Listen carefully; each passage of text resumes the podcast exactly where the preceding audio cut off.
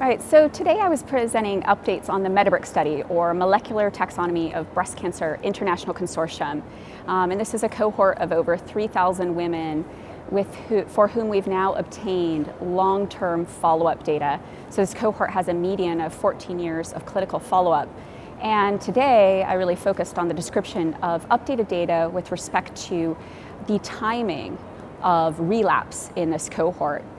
Uh, previously from METABRIC, we had described the integration of genomic copy number and gene expression data in an unsupervised fashion that resulted in the description of some 11 molecular subgroups with distinct genomic copy number drivers.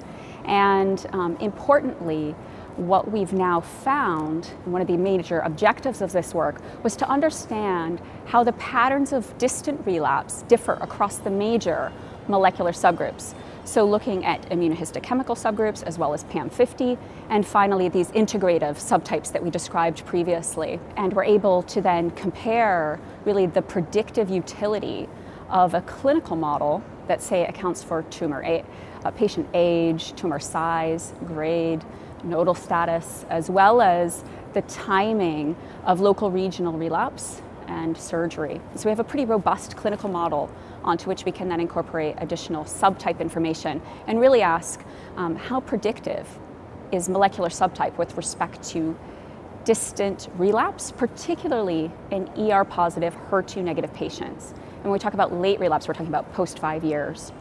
And what was striking um, is that we found that there are four very high risk of late distant relapse, ER positive, HER2 negative subgroups that we previously defined. And these subgroups have, again, these distinct genomic driver alterations, some of which are therapeutically actionable.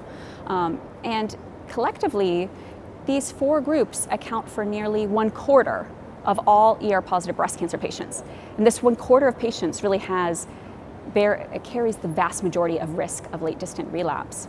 Um, moreover, we were able to show that the integrative subtypes improves the prediction of late distant relapse above and beyond um, the standard clinical model with uh, immunohistochemistry incorporated. And so really these, these subtypes are accounting for different disease biology um, and are quite powerful for predicting late recurrence.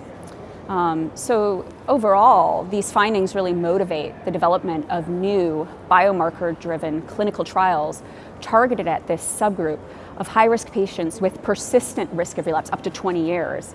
Um, and because they map onto these specific subgroups, they actually, we know what some of the targets are. We know what some of the drivers and therapeutic targets are.